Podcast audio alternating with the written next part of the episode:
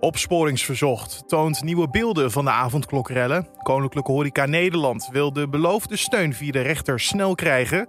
En verder praten we straks over de vluchtelingenkwestie in Griekenland. De situatie is schijnend voor duizenden mensen die recht hebben op onderdak vanwege hun verblijfstatus. Maar de hotels waarin zij nu verblijven worden weer vrijgemaakt voor toekomstige toeristen.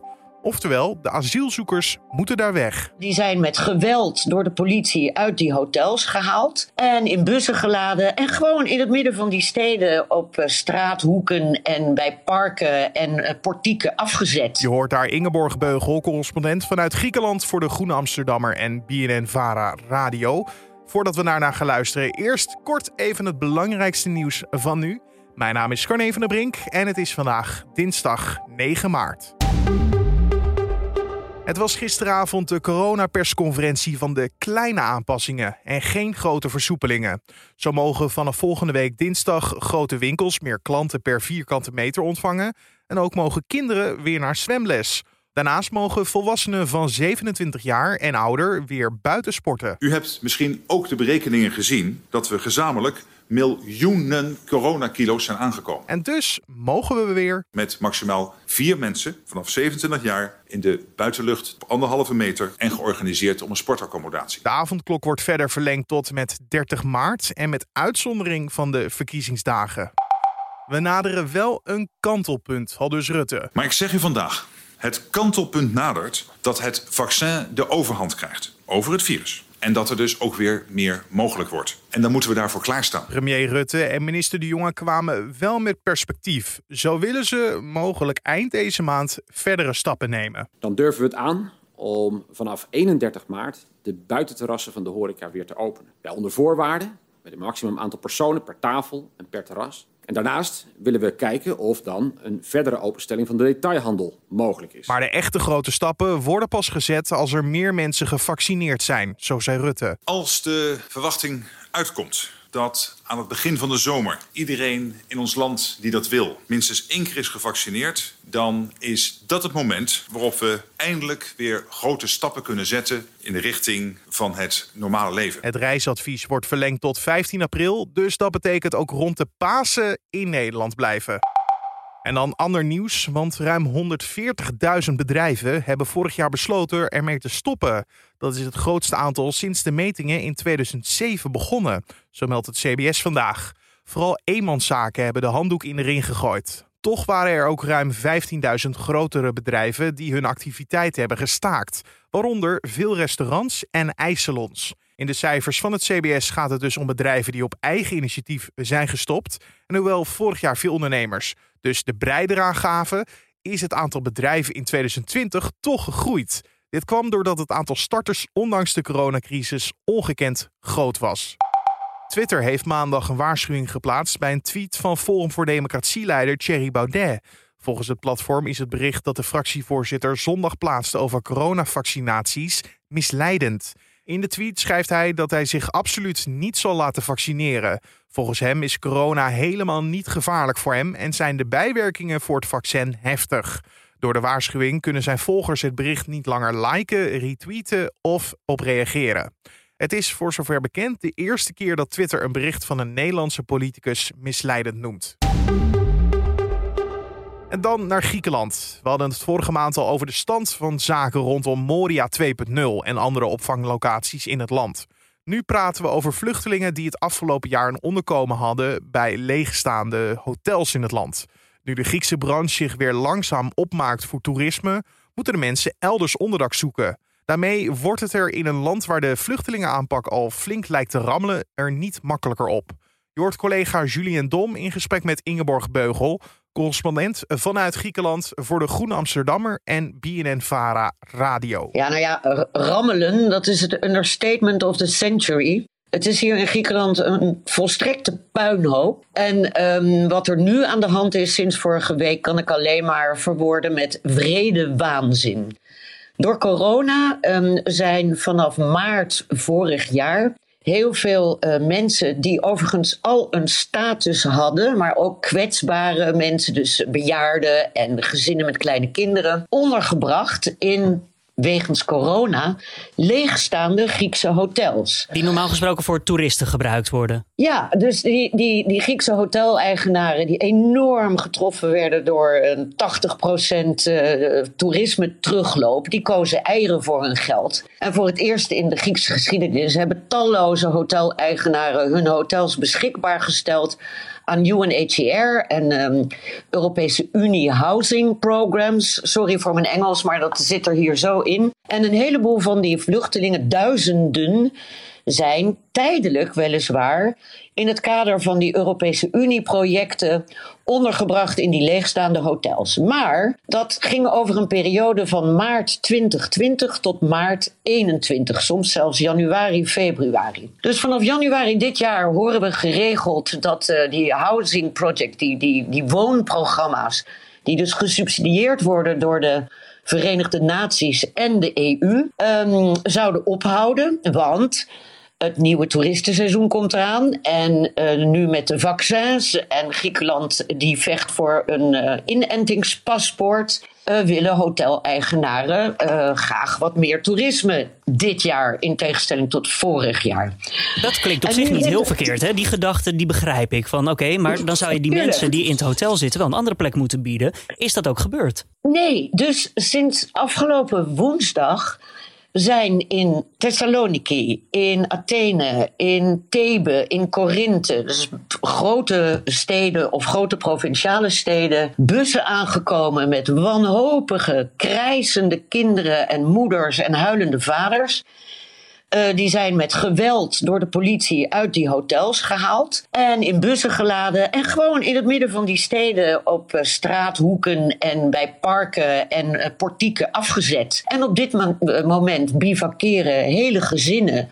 Ook met baby's en kleine kinderen zonder iets. En daar bedoel ik mee zonder tentje, zonder slaapzak, zonder voedsel, zonder iets. Gewoon op straat. Het is één grote rotzooi en het is niet meer te doen voor de vrijwilligers die hun handen vol hebben. En het bizarre is dat de Griekse uh, overheid of regering niets van zich laat horen voor wat er met deze mensen moet gebeuren. De oppositie protesteert.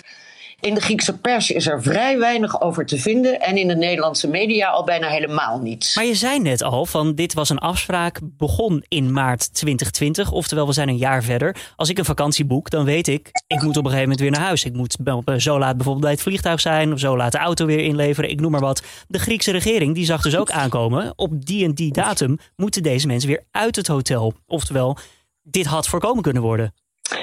Ja, het vergelijken met een vakantie is wel cynischer dan cynisch. Dit gaat niet om een vakantie voor die mensen, maar om uh, bazaal onderdak. Natuurlijk had iedereen dit zien aankomen. Toen de contracten getekend werden met die hoteleigenaren, wisten ze het al. Dit is het zoveelste brevet van incompetentie van de Griekse regering. En je vraagt je af wat er nog meer nodig is, behalve het ellendige, gruwelijke Moria 2.0. Nu dit weer. Duizenden mensen op straat. Het zijn er uh, aan het eind volgende week waarschijnlijk 7000 in al die Griekse steden. De, de mensen die hierover gaan, die zeggen ook: het is volstrekte incompetentie, er is geen planning. Er wordt niet vooruitgekeken en de dupe zijn zoals altijd de vluchtelingen. Maar ze komen dus ook niet terecht in zo'n kamp als Moria 2.0. Ze worden echt op straat in het centrum of aan de randen van de steden neergezet. Ja, want um, dit zijn mensen met een status. En wat er is gebeurd door corona is dat een heleboel mensen wel al status hebben gekregen, maar de identiteitskaart die daarbij hoort. Dus als je een brief krijgt met een positieve beslissing, dan moet je binnen twee weken ook identiteitspapieren krijgen. Maar door corona zijn al die um, asielprocedures en diensten uh, stilgelegd. Dus mensen hebben wel een brief met ik, ik krijg een identiteitskaart, maar die identiteitskaarten krijgen ze maar niet. En je vraagt je af, wie roept Griekenland hier nou eindelijk eens voor op het matje? Ook al gebeuren er op andere fronten eindelijk een paar dingen die hebben te maken met illegal pushbacks, waardoor uh, Griekenland uh, eindelijk eens een keer ter verantwoording zal worden geroepen. Ja, want als we, daarover, als we daarover beginnen, Ingeborg. Uh, aan de ene kant worden mensen uit hun hotelkamer geduwd en op straat gezet. Aan de andere kant worden ze aan de grenzen van het land of aan de stranden van het land weggeduwd. om zomaar niet binnen te komen en niet eens in aanmerking te kunnen komen op zo'n poging tot uh, ja, staatsburger, ik noem maar wat. Of tijdelijk asiel hier in, de, in, in, in Europa. Hoe zit het met die pushbacks? Want dat is een kwestie die volgens mij ook al jaren speelt. Waarom is het nu opeens weer in het nieuws? Nou ja, het, het, het speelt niet al jaren. Het speelt vooral sinds de nieuwe inmiddels niet meer zo nieuw, juli 2019, extreemrechtse regering van Mitsotakis. Die heeft vanaf uh, december 2019 een heel speciale uh, strategie toegepast om het um, aantal asielzoekers dat aanspoelt op Griekse eilanden drastisch te verminderen.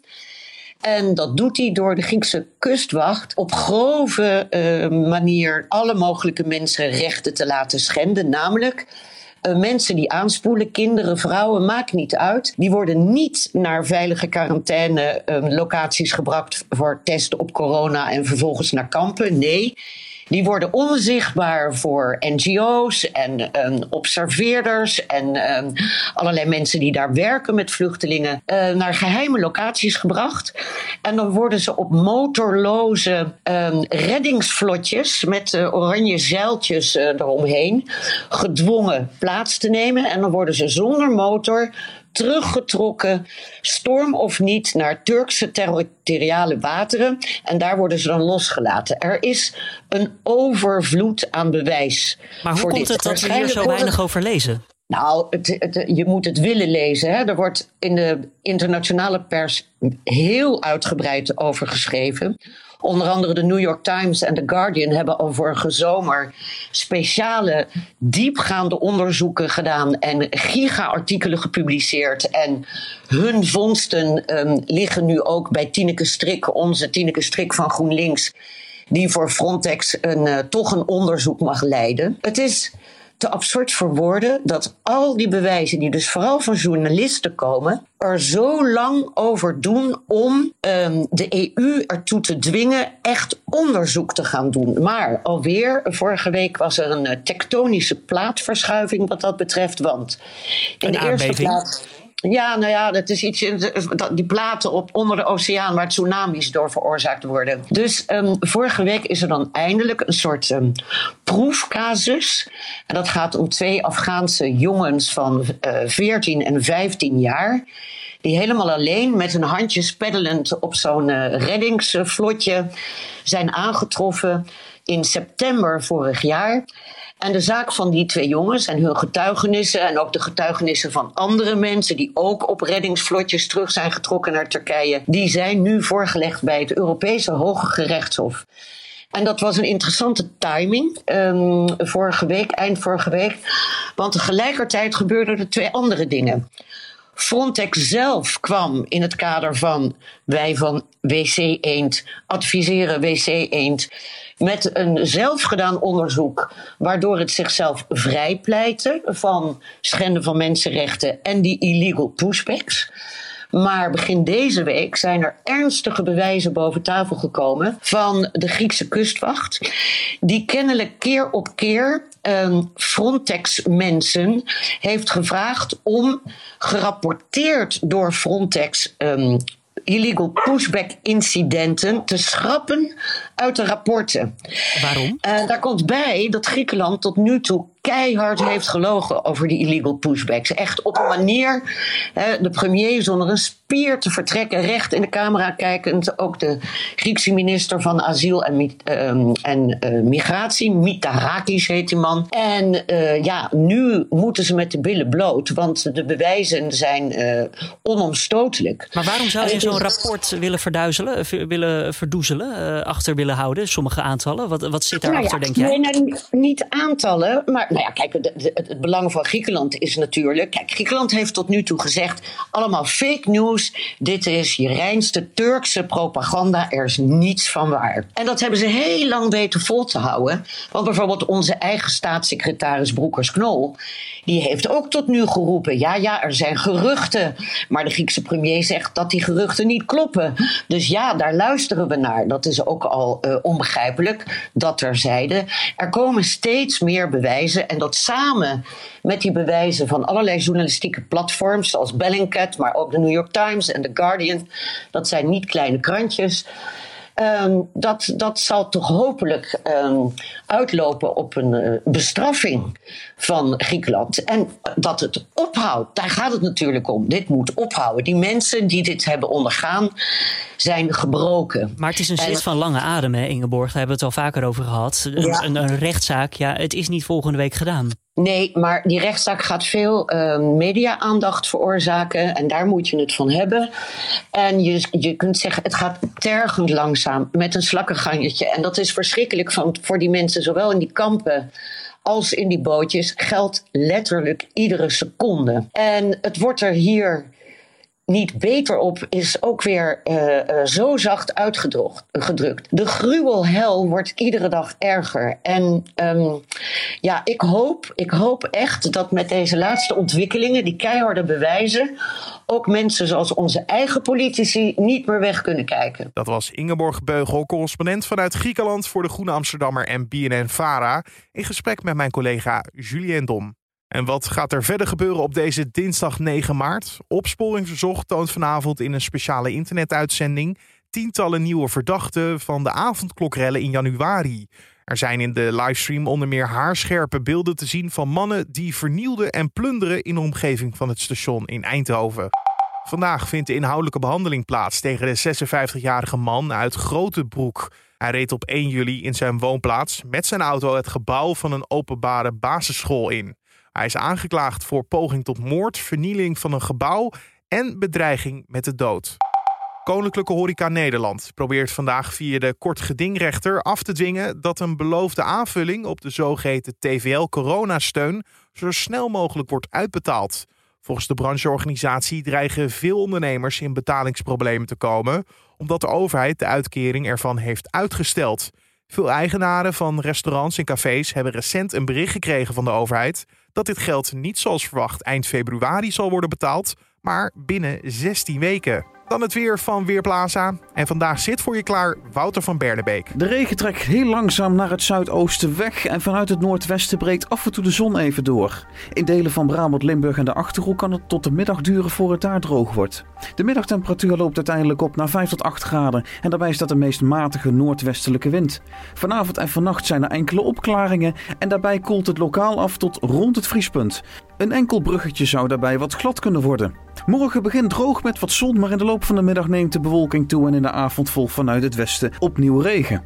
De wind draait naar het zuiden en neemt geleidelijk steeds verder in kracht toe. Daarbij loopt de middagtemperatuur op naar een graad of 9. Dankjewel Wouter van Bernebeek van Weerplaza. En om af te sluiten nog even dit. Het is precies een jaar geleden. Op 9 maart 2020 hield minister-president Mark Rutte voor het eerst een persconferentie ja, die specifiek over het coronavirus ging. Samen met uh, RIVM-baas Jaap van Dissel gaf hij toen een toelichting na het crisisberaad van het kabinet en blikte hij vooruit op mogelijke maatregelen die genomen zouden kunnen worden om het coronavirus in te dammen. Ook deed hij toen ook gelijk een oproep aan alle Nederlanders om per direct elkaar niet meer de handen te schudden. Meteen na deze ingelaste persconferentie vergat hij echter zelf de maatregel en gaf hij Van Dissel een ferme handdruk. Dus u kunt uh, voet zoenen, u kunt elleboog stoten, wat u ook wilt. Uh, ik zie op scholen allerlei prachtige varianten op het handenschudden al ontstaan. Maar wij stoppen vanaf vandaag met handenschudden. Oh, sorry, dat mag niet meer. Sorry, sorry. Nee, nee, oh, oh, over, over, over. Ik wil er nog wel. Zo, ja. Erg, zo'n gewoonte. Dat mag dus niet meer. Ja. En na deze terugblik sluiten we ook gelijk deze podcast af voor de dinsdag 9 maart. Je vindt de podcast in de ochtend en middag op de voorpagina van nu.nl en in je favoriete podcast-app. En uh, dan moet je denken aan een Spotify, Apple Podcast of Google Podcast. Heb je vragen, suggesties of feedback voor ons? Dus bijvoorbeeld hoe we iets beter kunnen doen of waar we echt een keer aandacht aan moeten besteden? Laat het ons weten via ons mailadres podcast.nu.nl. Podcast.nu.nl. Mijn naam is Carne van der Brink. Een hele mooie dag en tot de volgende.